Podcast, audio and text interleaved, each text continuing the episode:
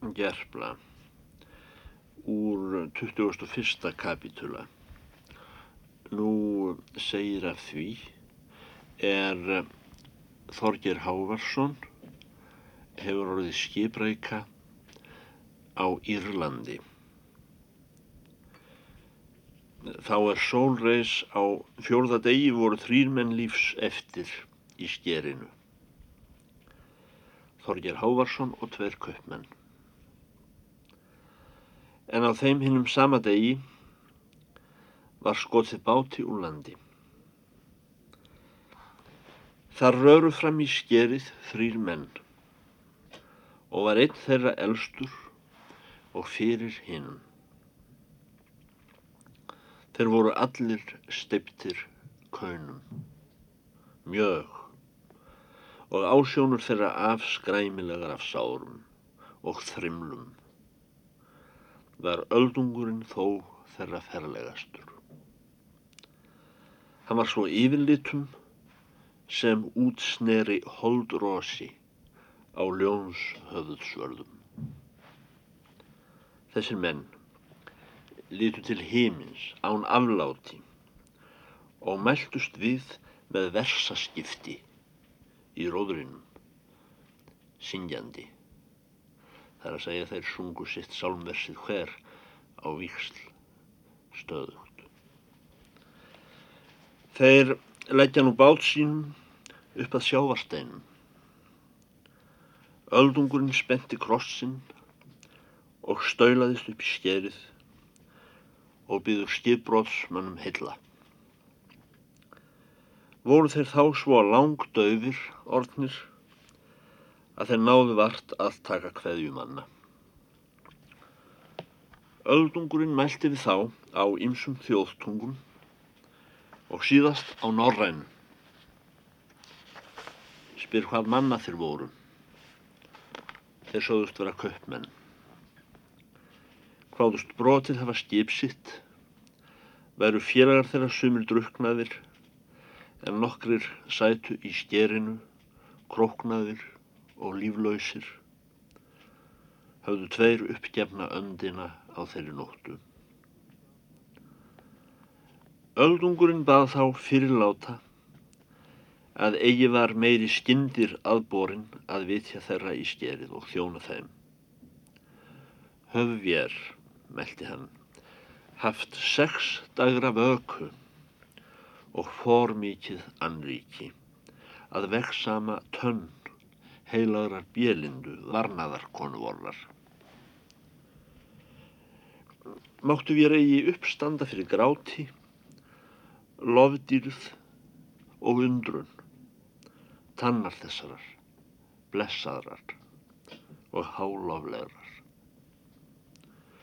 og gerum við slíka minning þrjá daga og þrjár nætur samfleitt, fjórum sinnum á hverjum tveim misserum. En nú, með því að lokið er þessari náðar tíð, höfum við látið sitja í fyrirrúmi að ganga á fund yðvarn og bjóða þeim íðar sem lífi halda að gerast vorir drottnar en við munum gerast yðrar, yðrir þjónar fyrir sækir Krists Máriussonar. Þess Guðs er við írar nefnum Jósa Magdei. En yfir hinnum sem framlýðinir eru munum við syngja að þörfum. Kaupmenn sögðu að þess var lítil þörf að syngja yfir þeim mönnum er dauður voru, en þeimun meiri að líkna hinnum er voru með lífsmarki. Þorgir Hávarsson mælti. Að vísumun eg eigi hér skiljast við félaga mína. Þá er enn nara. Það er að segja þá er enn hjara. En vita skulu þér að eigum norrænt maður komin af Íslandi og látum vér eigi kaupa oss með velgerðum manna. Er oss á því lítil þökk að þér bjargið lífi voru ef ég erum þá eigi jafn frjálsir gerða vorra sem áður. Og er yður ráð að högva oss þegar í stað ef þér viljið frið hafa af oss. Öldungurinn hóf upp róðu sína mjög hátt undir tölu Þorgers Hávarssonar og söng í móti úr helgum rittningum andstefju þá er svo byrjast elskið yðra fjandur. Kisti hann síðan innvirðulega og bað hann heilan kominn úr landi því er hann hefði samspurt af bókum að þar var nótt með svo björtum sólskinum að menn sáu til að týna lís úr skiltum sínum. Nú höfðu eigi skipbrótsmenn fleiri orð að sinni en fóru í bátinn og sungu papar í móti þeim drottinlega lofdýrð af saltara lustu síðan í árum. En þá er nær drólandi. Reyndist byggð minnur ríkmannleg en verið hafði í hillingu. Voru þar að vísu rústir fornra húsa margar, en þau einstóðu uppi er lítill töggur var í. Voru flest hreysi vesöl, úr ótíndu grjóti, borg hlaðin, lík skreiðarhrófum. Egi var þar aðalhísi utan kirkja lág og keila upp úr undir trekrossi. Áttu klerkar heimili sín í hrófum þeim er hér dreifðust um hóla. Ekki var þar nauta, en geitur byttu lím og bræktu að mönnum. Skipbrótsmenn voru leitir í dimman skála, dróð þar kaldan sú í gegn. Þeim var borin geitamjólk í aski og stórgjert brauð af sáðum, fegst eigi önnur verð geta.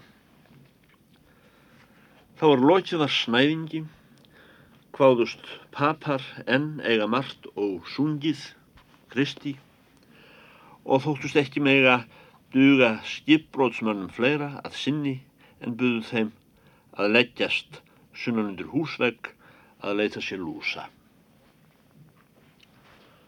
Nú var borgið var lífinu.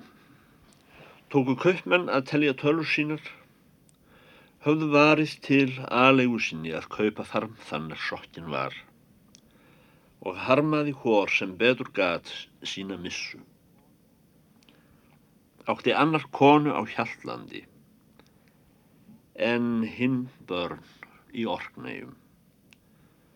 Þóttust all fjari sín vinn. Þorgir Hávarsson hvaðst þann einn harm bera sér í hjarta að hafa enn eigi fundið konung er svo væri grimmur og mikilvirkur að hann þyrmdi aldrei konunni barni en sökti kaupmannum niður í það díki sem engin botn er í. Hvað þeim nær að ræta sorg af sér með því að hugfesta þá svífurðu er papar höfðu horft á þá félaga þeirra dragast upp í skerinu þrjá daga en eldu klíð og hrat þeim er livðu og buðu þeim út undir vegg hvað karlmannlegra að brjóta á pöpum must þeirra og drepa þá en harma það er tínt var. Must er sama og musteri. En þótt kaupmenn væri eigi jafnumiklir ófríðarmenn sem Þorgir Hávarsson þá leittust þeim oflangar setur undir húsveikum og sjá ekki kvikt utan geitfjö en hlýða týsti fogla. Þeir standa á fætur og vilja kanna hvað finnast kynni verðmætt á þessum stað eða hvort þar sé nokkur fólkin vopn en þar varð enginn sá hlutur fundin að nokkur veri nýtur. Í hverju hrófi var róða, ger af tveim ótegldum skýðum þversettum, reyrðum með basti um samstétin. Einn treskál var í hverju hreysi. Hvílur rúm voru eiginema bálkar með hellu í dínu stað en stein fyrir kotta. En þá er þeir stingdust um gáttir í mustinu, sáu þeir klerka sitja í goðastúku og syngja. Tókti þeim félögum söngurinn heldur döflegur, vissu og lít hvað merkti. Þeir sungu mjög lengi dags, en gestir stóðu fyrir durum úti og suðu með sér hvern skildi upptaka. Þar kom að lokum að papar höfðu sungið næju sína og fóru að tínast út úr mustinu. Þeir voru með glöðu yfirbræði, þó ófeitir og beina berir þrútnir af íldu sálum, dökkvir afsáður og vilsu. Hvarf þar hver maður í sitt hróf, svo sem þá er pöttur skrýða undir steina. Mistarinn rak lestina úr kirkju, sá að sókta hafði kaupmenn í skerið um morgunin. Bað hann gestum sínum virkta og bauð þeim til innis með sér að etta kvöldverð en þeir tóku því þakksamlega. Hann átti heima í hrófin okkur mjög snöðlegu. Það er að segja mjög snubbóttu og sviðblöðsum. Smóð þar vindur um veggi. Ekki var þar innan stokks utan steinar. Þar gekk papi einn töturlegur um beina. Meistarinn spurði hversu þeir félagar máttu að loknum degi og var þorgir fyrir svörum hvað lýs þeirra druknaðar. Vistir voru bornar inn í tveim skálum, voru söl í annari en blátt vatn í hinni. Bar papinn fram þennan beina með söng og knefalli. Meistari tók við kostinum og þakkaði Kristi að sínu leiti með antefnu og blessan og annari lofdýrð. Síðan tók hann frá einn krepping sölva, það er að segja einn hnefa af sölum og lagði fyrir handa fátækum. Þessu næst bauð hann gestum sínum að taka til matar. Kaupmenn neittu þess er forborið var, heldur en fasta með öllu. Skirptu þó út úr sér marfló og maðki. En Þorger Hávarsson satt gneipur hjá, hvaðst vera engi sölva æta. Meistarinn neitti kosts síns af henni mestu unaðar sælu svo sem þá er einn selkjeri leð sér krásin í munn af ríkmannlegu vesluborði. Átt hann allan þursa úr salvónum með pöttum og yllirmi. Þursi í sölum eru ræturnar. Og rætti við gesti sína mjög um helgarriðningar á meðan. Taldi engum frá því er Kristur satt í fimm þúsundir manna með þrem bröðum og tveim fiskum og gengu af tólf karfir fullar. Kaupmenn tóku undir söguna með kursteysi en Þorger Hávarsson meldi svo. Ei em eg hér komin að hlýða á fornsögur. Heldur hafa lífið vart og fjö eða falla döður fyrir yður. Teleg sjálfum mér allt það fjö er með neyga nema þeir beri sigur orðaf mér. Nú ef þér eiguð nokkuð fjöreg, ellega rúnakefli og önnur þvílik töður, þá býða ég þur upp að gefa munu brjóta þau. En fjersjófi er þér leinið oss, þá skulu þér upp lúka. Hvað viljið þér bræður af oss þykja, spyr öldungurinn. Þorgir meldi, sylfur og gull og tenn. Öldungun segir svo. Gnógir erum ég orðnir að dýrgripum, þar sem eru sálir vorar. Það er að Jósamak dýi kipti að fjándanum og lagði undir miskun Guðs. En tenn eigum ég ekki, utan þá er numin varð úr munni bjelindu megar og við veittum þjónustu um sinn. Þessa tönn höfum við nú í dag úthafna og í skrínlagða að býða þar uns líður að jólum fram.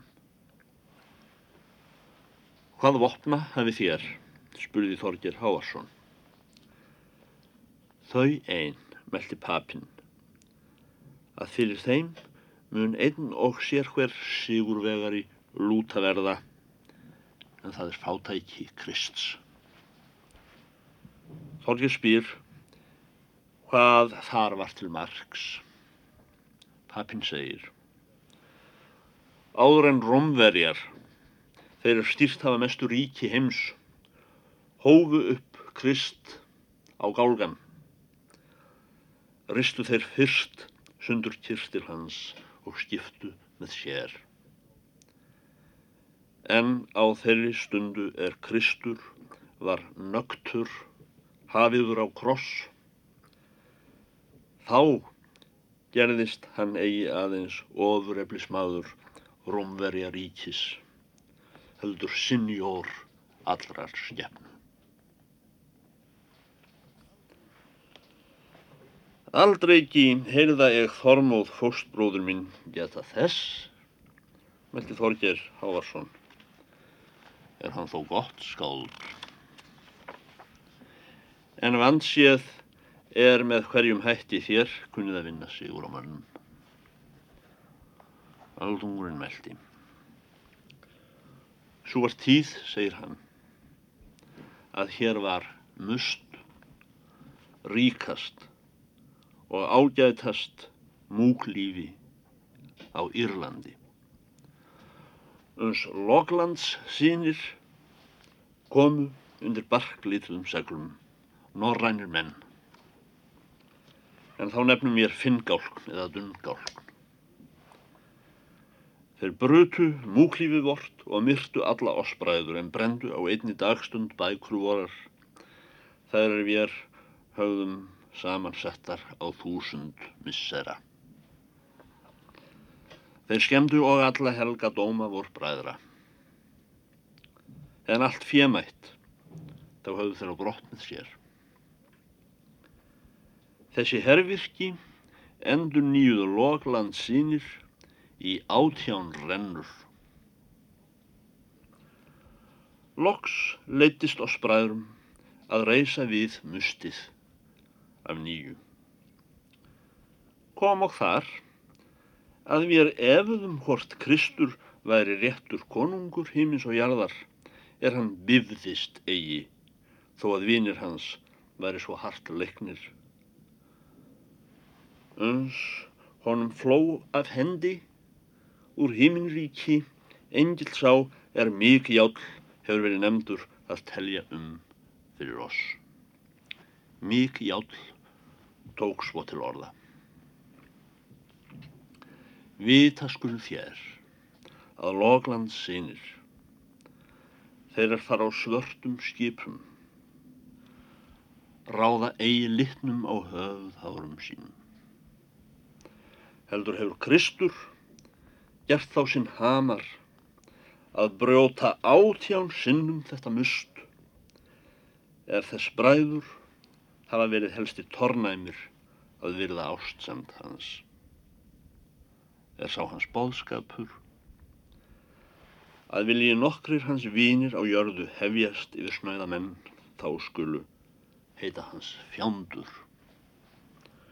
Og þeirra hús hversu dýrlegt sem er þeirra smíði þá eru þau port helvítis mun Kristur bróta þau og þeirra bækur hversu vitulega sem þær eru samansettra af mikilli kunnandi þá skulu þær brenna og þótt hér miklist af köglum þeirra dýrlinga er hjá drottni hafa tryggvastir ármenn verið konungum og hertogum og hrósið yður af flýs þeirri er hér kiptuð úr helgum krossi. Þá mun engi líkn yður koma meðan þér kjósið yður nafn og stjett ofar snöðum mönnum.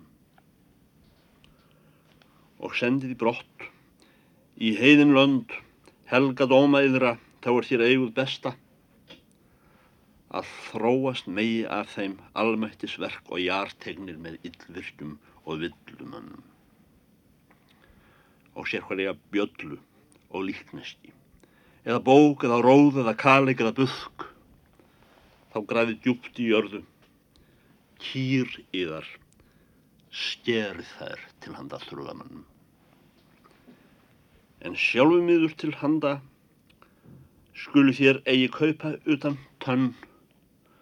Úr meið þeirri er einna ófrægust hefur orðið allra dýrðar meia en þá er hún var brotinn til svefnis. Tólf vetra gömul á holdlegum upprisudegi drottins móður. Læsti hún tönn þessari í nef niður bróðsmanni sínum. Og svo tönn í heiminríki virð yfir aðrar tenn fram. En það þrýr þumlungar á lengt og fjórir á breytt en mær heitir Bjelinda. Kaupmenn mikluðu fyrir sér þessi tíðindi mjög og sögðu að svo var víst geysi hagleg tönn eða við hversu miklu silfri vildu þeir bræður láta tönn fala. Öldungurinn meldi. Þar er skjótt af að segja ágæti þessarar tannar. Að á öðru misseri, eftir að við bræður höfðum látið eigur vorar en kipt tönnina, þá veittu norrænir menn oss heimsókn. Og eftir fundu hér öngvan grip er verðmæti væri í og ekki utan berfættis menn eina. Þá hjökku þeir þá af oss sem komnir voru til þroska og köstuðu búkum vorum fyrir sjávarhamra til fæðslu háköllum en tóku höfð vor með sér á skip. Því að þeir hugðu að höfðlausir myndum við aldrei ekki ná fundi Krists fulltingjara vors en þá af oss er enn voru á æsku skeiði, lögðu þeir í bönd og fluttu á önnulönd og kipti fyrir vöru. Og þá er sinni Loglands voru á brottu, það því sinni, var eigi eftir á þessum stað er við er nú stöndum á utan blóðvort á kletton og tönn bjelindu dýruðar megar. Nú renna á kaupmenn tvær grímur. Er þeir frétta að tönnin var eigi einn hlít til sigurs. Eða með hverjum hætti eru þér hér afturkomnir, papar, spyrja þeir, en flutt á brott höfuðiðar á skipum. Meistarinn svarar. Mikið jál, erki engil við hefðu voru enn. Þá er við höfðum verið högnir. Hann setti á við oss langar tölur með antefnu og saltara og meldi svo. Engi heilagur dómur er svo máttugur að að fá hlýft þeim manni er trúir sjálfum sér. Afli sín og hreisti, fríðleik eða hilsu, visku eða lærdómi. Mun sá fyrstur falla er þessu treystir mest. Því að sá er aðeins einn er fríður er og heill, vitur og lærður, hugprúður og aflgóður að marki og hann heitir Jósa Magde. Nú hafið þér ímist görfir verið höfði stittri og gefnir háköllum. Ellegar menn hafa kaupslagað með yfir júlöndum og hafa sumir í þar verið kiftir fyrir hunang en nokkrir fyrir kjöru. Fer svo um þá er því treysta sem döðlegum manni er síst kaup í. En með því að Kristur er íður í vinarhúsi, það er að segja Kristur er góður vinnur okkar, hefur hann sendan mig á yðvarn fund að heita yður af sinni hálfu þeirri ástgjöf er fyrir hana eina munu upplúkast yður hlið heiminlíkis. Kaupmenn spurðu hversu gjöf var og hvort með hennar fulltingi mætti setja mönnum ágóða veinlegar kaupstefnur. Öldungurinn meldi. Nú munum veita yfir ansvör hins er þér spurðuð fyrr. Hversu við komum hér aftur og vorum þó áður högnir eða kiptir?